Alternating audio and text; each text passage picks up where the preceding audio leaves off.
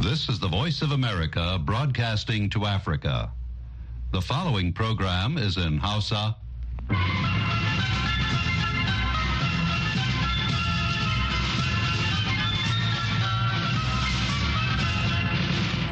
Sashen Hausa na murya Amurka ke magana daga nan birnin Washington DC.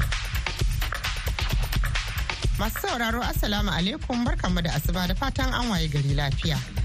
Sunana Hauwa Sharif tare nake da Maryam Dauda da sauran abokan aiki a wannan shirin na safiyar Juma'a tara ga watan Fabrairu shekarar 2024. Kafin ku ji abubuwan da muke tafi da su ga Maryam da kanin labarai. Majalisar Wakilan Najeriya ta ba jama'a haƙuri a kan tsananin rayuwa da ake fama da shi sakamakon matsin tattalin arziki tare da bayyana alwashin magance lamarin cikin gaggawa. A jiya Alhamis ƙasar Pakistan ta gudanar da zaɓukan da aka daɗe ana jinkirtawa. Amma kusan sa'o'i tara bayan rufe rumfunan zaɓe babu wata mazaɓa da ta bayar da cikakken sakamako. Bayan da aka kwashe kwanaki ana raɗe-raɗe a Ukraine, a jiya Alhamis ta tabbata shugaba Volodymyr Zelensky ya sauke janar Valery Zelensky daga mukamansa wato babban kwamandan sojojin ƙasar. Kanin labaran kenan a yau za mu fara buɗe taskar rahotanninmu ne daga jamhuriyar Nijar. inda al'ummar ƙasar suka riƙa amayar da kukan cikin su ganin yadda aka ci aka cinye taron ministocin harkokin wajen ƙasashen mambobin ecowas da ya gudana a abuja ba tare da an cire koda ɗaya daga takunkumin da ƙungiyar ta kakaba a ƙasar ta nijar ba yau kimanin kusan watanni bakwai ban ga wani unhwani da sai dai yawo za ta samu ba na mako ne talakawan Nijar tsawon wata bakwai. A can ƙasar Ghana kuwa mataimakin shugaban ƙasar ne Dr. Mahamudu Bawumia ya yi wa 'yan kasa albishir cewa zai rage musu wasu daga cikin jerin harajin da gwamnati mai ci yanzu ta dora wa 'yan ƙasar muddin dai suka zaɓe shi a matsayin shugaban kasa a babban zaɓen ƙasar da ke tafi. If you make me the president, I will be in the driver's seat with constitutional mataimakin shugaban kasa dr mahmud baume kenan. Sai a biyo mu a cikin shirin domin jin karin bayani. Kamar kowace safiyar juma'a yau ma muna tafi da shirin manuniya tare da isa lawal ikara. Amma fa duk sai bayan an saurari kashin farko na labaran duniya. Jama'a Assalamu alaikum ga cikakkun labaran. Majalisar Wakilan Najeriya ta ba 'yan ƙasa haƙuri a kan tsananin rayuwa da ake fama da shi sakamakon matsin tattalin arziki tare da bayyana alwashin magance lamarin cikin gaggawa. A hirarsa da muryar Amurka bayan wani taron manema labarai na musamman da ya kira. Kakakin Majalisar Wakilai Tajuddin Abbas ya bayyana cewa sannan halin da jama'a ke ciki ya sa dole majalisar ta ɗauki matakan gaggawa na magance yunwa da hauhawar farashin kayayyaki da suke ƙara sa kuncin rayuwa. Ko da yake bai faɗi takamaiman lokacin da za a fara shimfiɗa tabarmar sauƙin ba kakakin majalisar ya ce za a ɗauki matakin nan ba da daɗewa ba domin buƙatar yin hakan ta taso. Ya kuma jaddada cewa majalisa za ta ci gaba da yin tuntuɓa da ɗaukar matakai kan batutuwan da suka jibanci yalwar abinci da kuma sha'anin tsaro ta yadda manoma za su iya komawa harkar noma kamar yadda aka saba.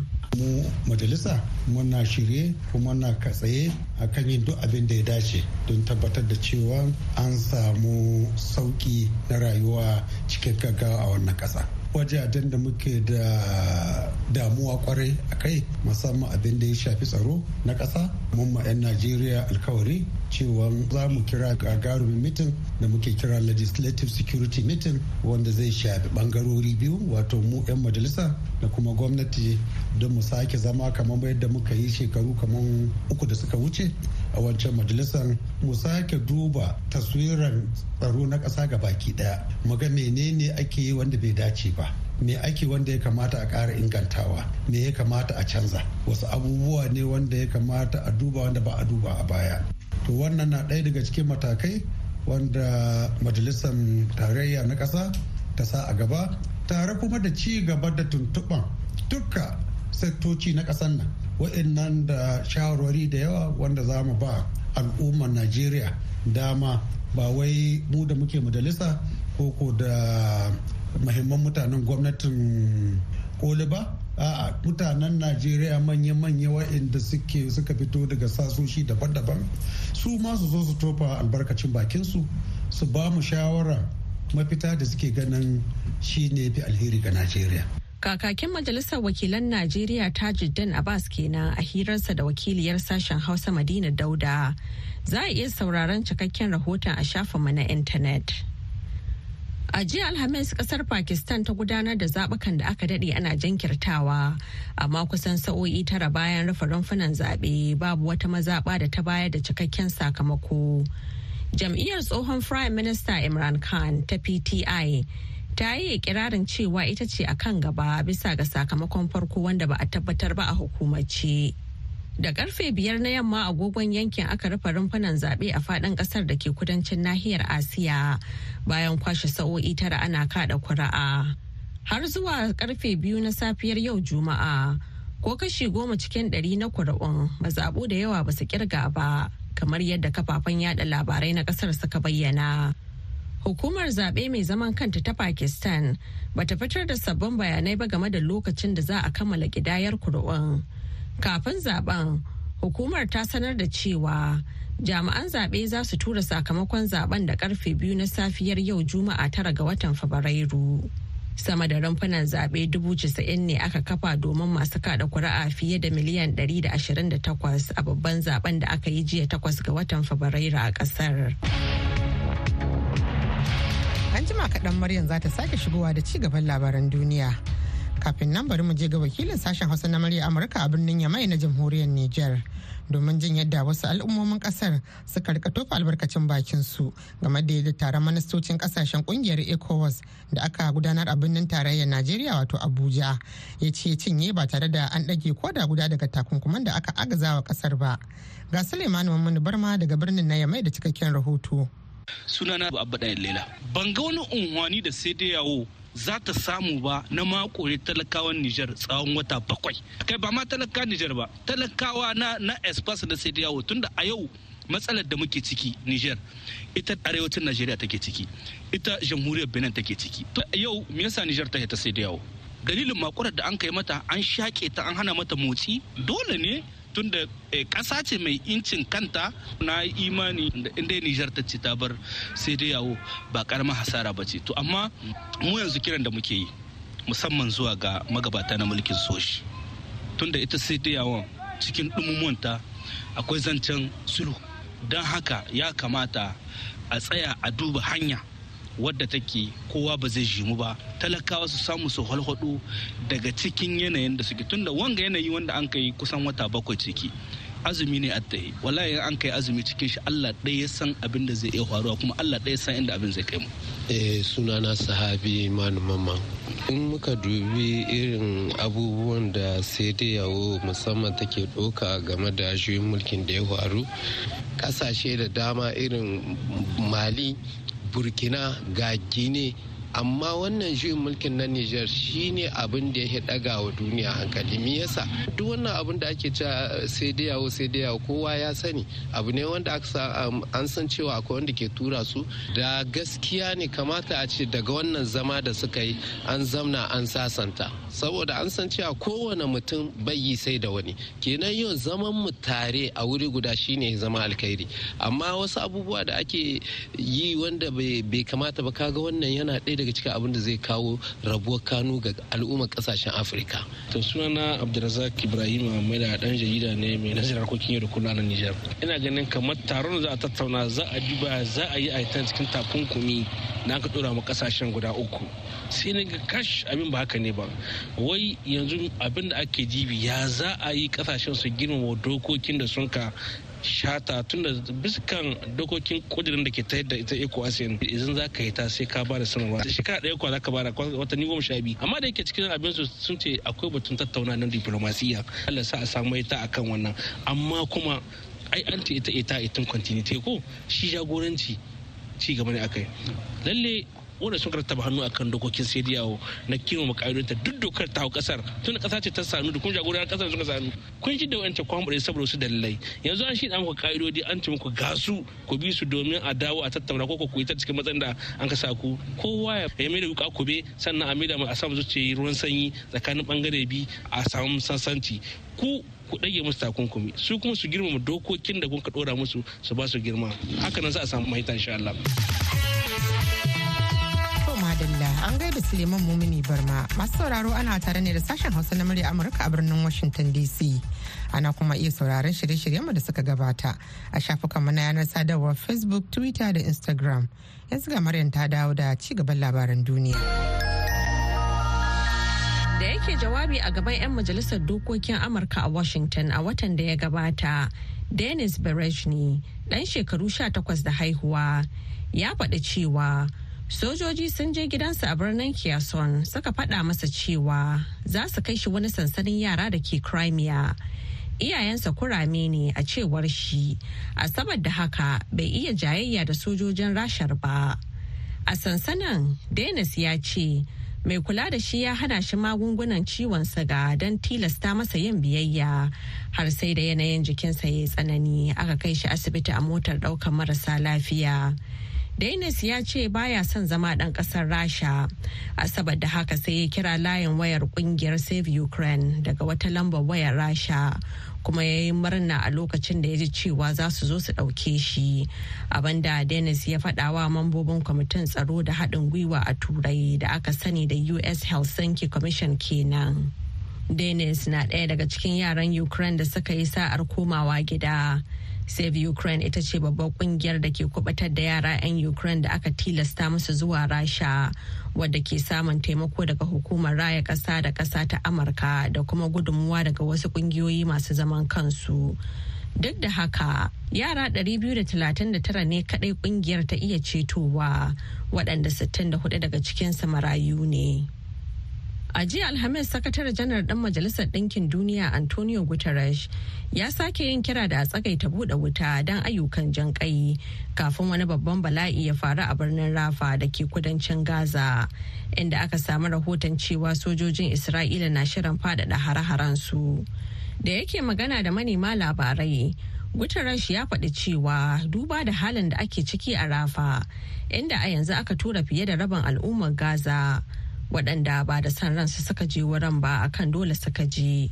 Ya ƙara da cewa idan aka yi la'akari da halin da ake ciki lokaci ya yi da ya kamata a tsagaita buɗe wuta don ayyukan jin kai kafin wani babban bala'i ya faru a gaza. Idan aka ci gaba da kai zafafan hare-haren soja a gaza kamar yadda aka gani a khan yunis da sauran sassan gazar. Fiye da rabin al'ummar gaza miliyan biyu da dubu ɗari biyu ne suke a cikin birnin da ke kan iyaka da masar domin neman tsira da rayukansu duk da cewa akwai hare-haren da isra'ila ta kai can. Labaran duniya aka saurara daga nan sashen hausa na murya amurka a birnin washington dc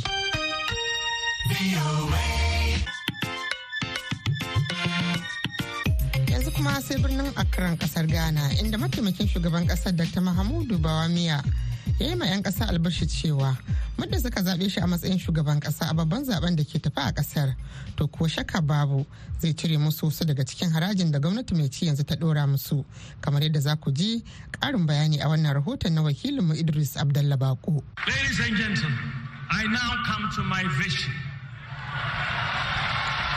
As Vice President I am like a driver's mate. But by the grace of God, if you make me the president, I will be in the driver's seat with constitutional mataimakin shugaban kasa dr mahmud baume kenan yayin da yake gabatar da jawabinsa ga al'ummar kasa na farko bayan an zaɓe shi a matsayin ɗan takarar shugaban kasa a ƙarƙashin jam'iyya mai ci ta npp inda ya bayyana manufofi da yake da niyyar cikawa idan an zaɓe shi shugaban kasa a zaɓen disamba mai zuwa. Dr baume ya bayyana gudunmuwar shawarwarin da ya bayar ga kwamitin tattalin arzikin kasa wanda ya ce an samu ci gaba tattalin arziki a baya-bayan nan. Haka kuma ya bayyana ƙarar cewa zai soke harajin hada-hadar kuɗi na electronica wato e-levy da wasu nau'o'in haraji da wannan gwamnati ta kirkiro. Ladies and gentlemen, to move towards a cashless economy, however. Don matsa zuwa ga tattalin arziki da ba amfani da kuɗi, dole ne mu ƙarfafa jama'a su yi amfani da kafofin hada-hadar kuɗi na electronica don cimma wannan babu harajin biyan kuɗi ta digital a ƙarƙashin gwamnati na. Za a soke harajin e-levy.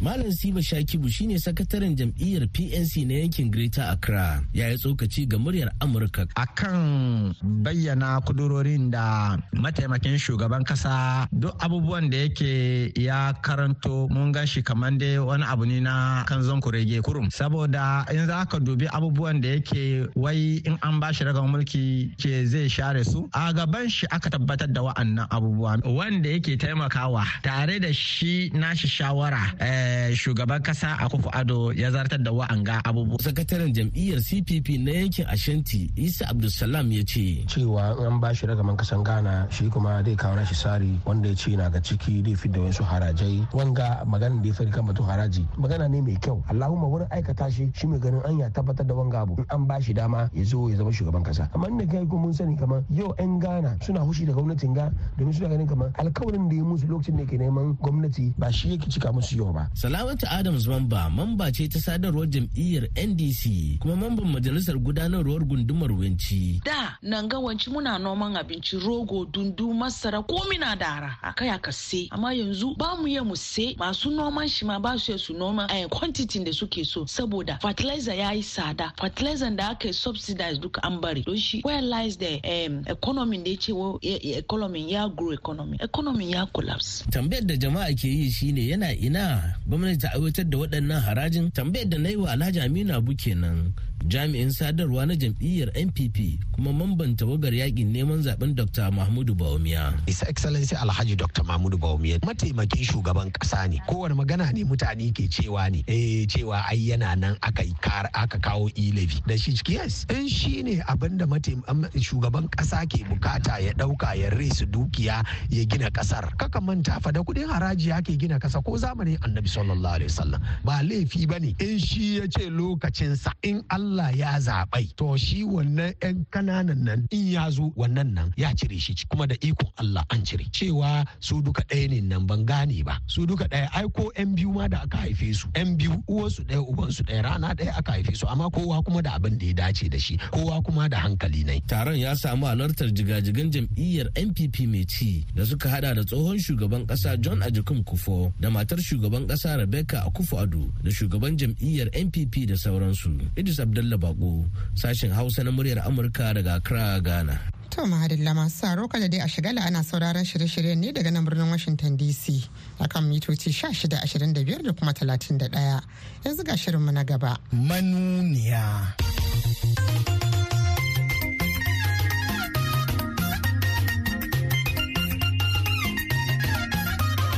Da alamu dai kakabuwar ƙarancin karfan fana da kuma tsananin tsabar tsadar rayuwa sun kai bangon do suka ce ya kamata dai a nemo mafita. yanzu mutum ya canza dala dubu goma yanzu yana da miliyan kusan goma sha biyar a hannunsa sai ya sai kasuwa duk kayan abincin da ke kasuwar ƙauye. ko hauhaya farashi da ake magana ba wai kowa yana jin raɗaɗi ba ne daidai wa daidai wanda yake nomawa kila ya fi jin sauƙin haihawa da wanda kawai sayi yake. game da zamiyar zuke jiki daga ƙungiyar ecos da ƙasashen afirka ukun da sojoji ke mulki kuwa wasu masu ratsaki ne ke cewa a gaskiya dai ya kamata a daidaita wannan ƙasashen guda uku suna cikin wani babban matsalan da ita ecowas ba ta yi wani abu wani a zo a gani tana tare da su ta duk abin da za su yi su tabbatar sun roƙi nijar burkina faso da mali a dawo ƙungiyar ECOWAS. Waɗannan fa so mun taɓa kawai muka tattaɓo cikin tarin muryoyin da za ku za cikin shirin na manuniya.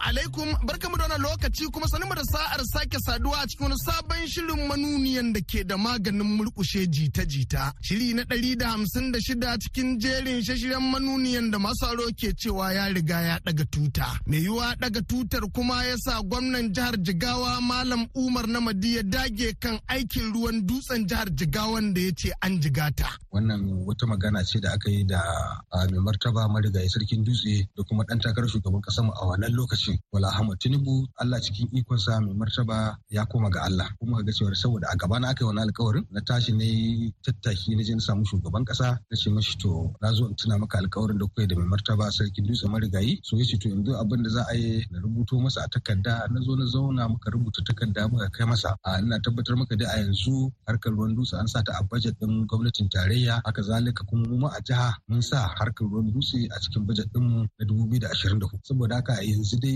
na tabbatar maka in Allah ya yarda wannan shekarar za a fara harkar aikin ruwan dutse duk inda za mu yi muka an sa kuɗi an ƙara kuɗi a wannan gurin za a ƙara. Haɗin gwiwa kenan za a yi a wannan karo na. Eh to dama ƙasar a irin wannan dole ba wai gwamnati tarayya ba za ta yi komai da komai amma dai za ta yi mafi yawan aikin idan kuma ta yi mu gwamnatin jiha mu kuma za mu ɗora namu. Game da halin kuncin rayuwar da ya sa majalisar wakilan tarayyar Najeriya ta gayyaci kwamitin tattalin arziki na gwamnatin Tinubu kuwa majalisar ce ta dinga tunkuɗa tarin tambayoyin tattalin arziki in ji Honorable Abubakar Hassan Fulata. An janye tallafi ne don a ba 'yan kasuwa dama su shigo da fetur. Amma har yanzu ana gidan jiya. An janye tallafi ba wani ɗan kasuwa guda ɗaya da ya siyo fetur daga waje ya shigo da shi. Har yanzu an dogara sai nnpc ta shigo da shi. Tukuna sai sai sari a wajen nnpc saboda haka muke neman bayani tunda kamfan dangote ya fara aiki. Kamfan tata mai na port ya fara aiki. A magana su yaushe ne farashin mai zai sauko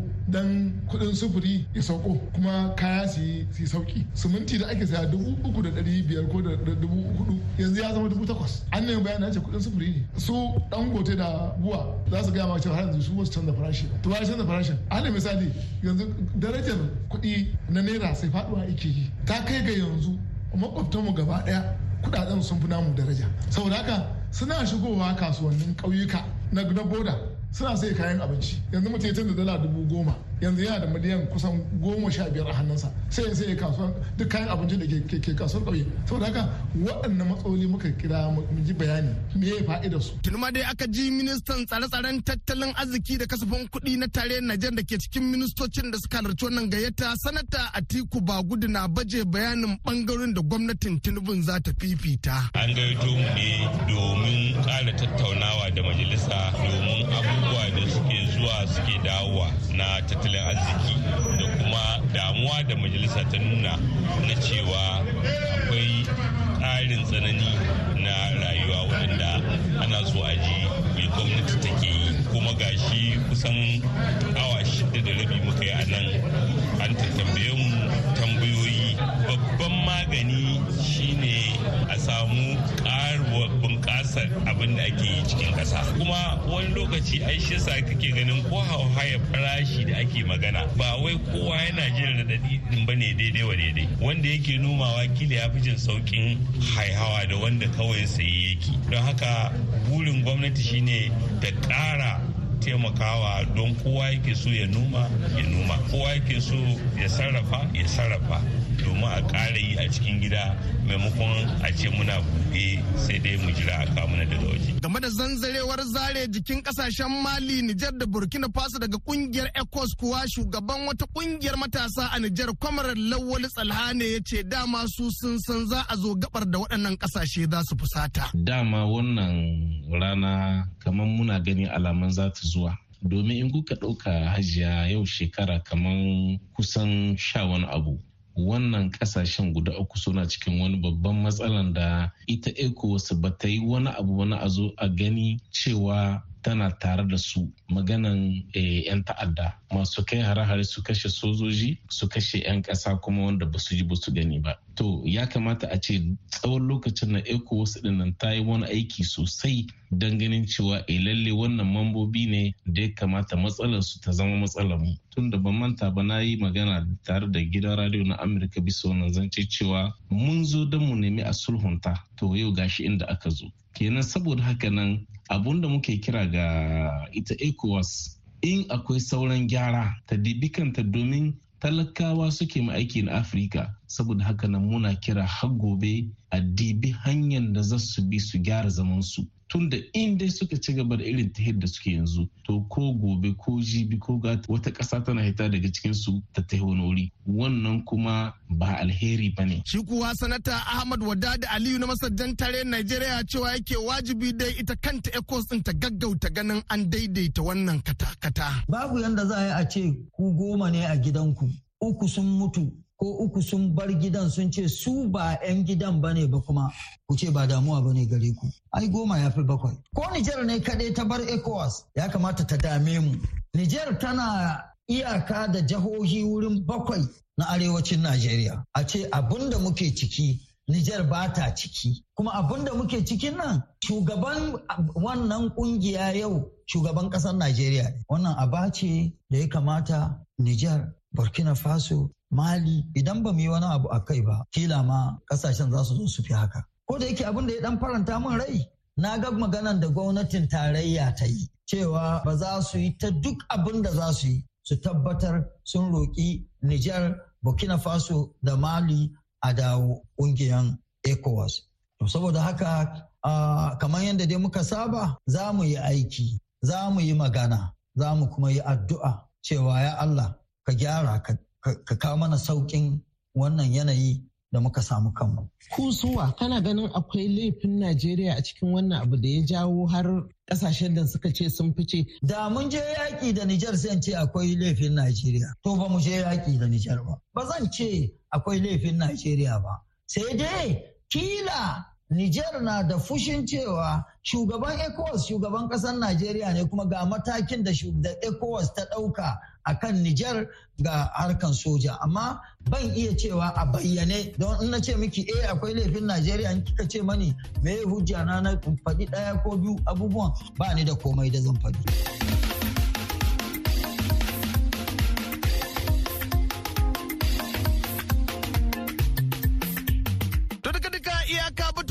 Iya baje muku kenan a cikin wannan shiri na manuniya sai dai kafin mu yi sallama sai mun sanar da dukkanin masu dafa da madafun iko a Najeriya cewa kullun aka kwana aka tashi fa kwanakin da aka keɓe musu ne ke ci gaba da salwanta. Domin kuwa daga juma'a nan ma saura kwanaki dubu ɗaya da ɗari biyu da huɗu ne su yi sallamar sakin madafun iko sai dai kaɗan daga cikinsu da ƙila za su yi sa'a su maimaita. Kuma madadin dukkanin abokan aikin da kan taimaka wajen tabbatar da wannan shiri ya zo muku musamman dai Mahmud Ibrahim Kwarin jihar Kanawa da Maman Manu manuniyan da kan yi daudalar dawo da muryoyin da muke amfani da su tun lokacin shirin na manuniya na ta ta ta. A madadin su duka kuma ni isa lol ikara da kan yi limancin shirye shirin da gabatarwa ne nake cewa sai kuma mako idan Allah ya sake sada ma cikin wani sabon shirin na manuniya.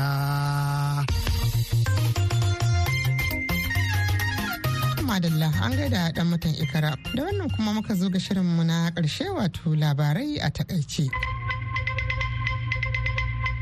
To a taƙaice Majalisar Wakilan Najeriya ta ba 'yan ƙasa haƙuri a kan tsananin rayuwa da ake fama da shi sakamakon matsin tattalin arziki tare da bayyana alwashin magance lamarin cikin gaggawa.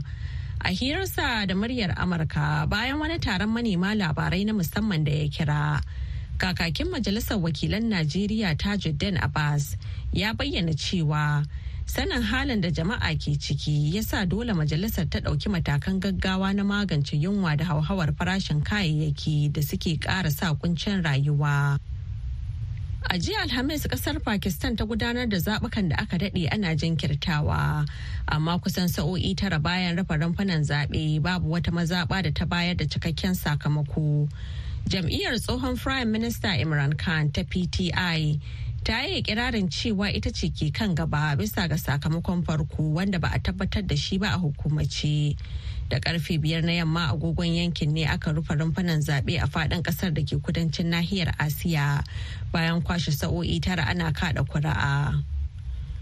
Bayan da aka kwashe kwanaki ana raɗe-raɗe a ukraine a jiya alhamis shugaba volodymyr zelensky ya sauke janar valery zelensky daga mukaminsa wato babban kwamandan sojojin ƙasar wanda ya jagoranci yaƙin da ƙasar ke yi da mamayar rasha tsawon shekaru biyu ya kuma maye gurbinsa da kanar janar alexander siski yayin da aka samu kikikaka a yaƙin zelensky a cikin wata sanarwa da ya fitar ya ce ya gana da Zaluzhny wanda wasu ke kallonsa a matsayin jarumin ƙasa saboda kare Ukraine.